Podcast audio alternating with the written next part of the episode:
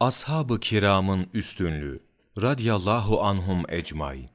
Allahu Teala birbirlerine karşı rahmet ve sevgi bağlarıyla bağlı olmaları sebebiyle Peygamber Efendimiz sallallahu aleyhi ve sellemin ashabını Fetih suresi 29. ayette övmüştür. Ashab-ı kiramın hepsi adaletli kimselerdir. Onların bize ulaştırdığı her şeyde doğru ve gerçektir. Hazreti Ali radıyallahu anın halifeliği zamanında meydana gelen hadiseler, ashab-ı kiramın nefislerinden dolayı ve makam, mevki uğruna yapılmış değildir. Farklı içtihat sebebiyle olmuştur. Onların hiçbirine dil uzatılamaz. Çünkü onlar Resulullah'ın sahabeleridir ve bazıları cennetle müjdelenmiştir. İçlerinde Bedir Harbi'ne katılmış ve kendilerinden azap kaldırılmış olanlar vardır. Hadis-i şerifte şöyle buyruluyor. Allahu Teala Bedir ehlinin halini görüp bildiği için dilediğinizi yapın. Sizleri affettim buyurdu.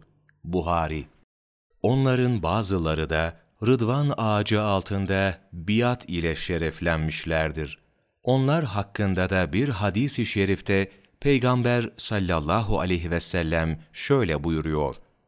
Ağacın altında biat edenlerden hiç kimse cehenneme gitmeyecektir. Mektubatı İmam-ı Rabbani, Cilt 3, Mektup 24 Bir hadisi şerifte, Abdullah bin Muaffel radıyallahu anın rivayetinde, Peygamberimiz sallallahu aleyhi ve sellem şöyle buyuruyor. Ashabım hakkında Allah'tan korkun. Allah Celle Celaluhu'ndan korkun. Benden sonra ashabımın aleyhinde bulunmayınız. Kim onları severse, benim sevgim de onunla beraberdir. Ben de onu severim. Kim onlara kin ve buğz beslerse, ben de onlara buğz ederim. Onlara eza eden, sıkıntı veren bana eza etmiş, sıkıntı vermiş demektir.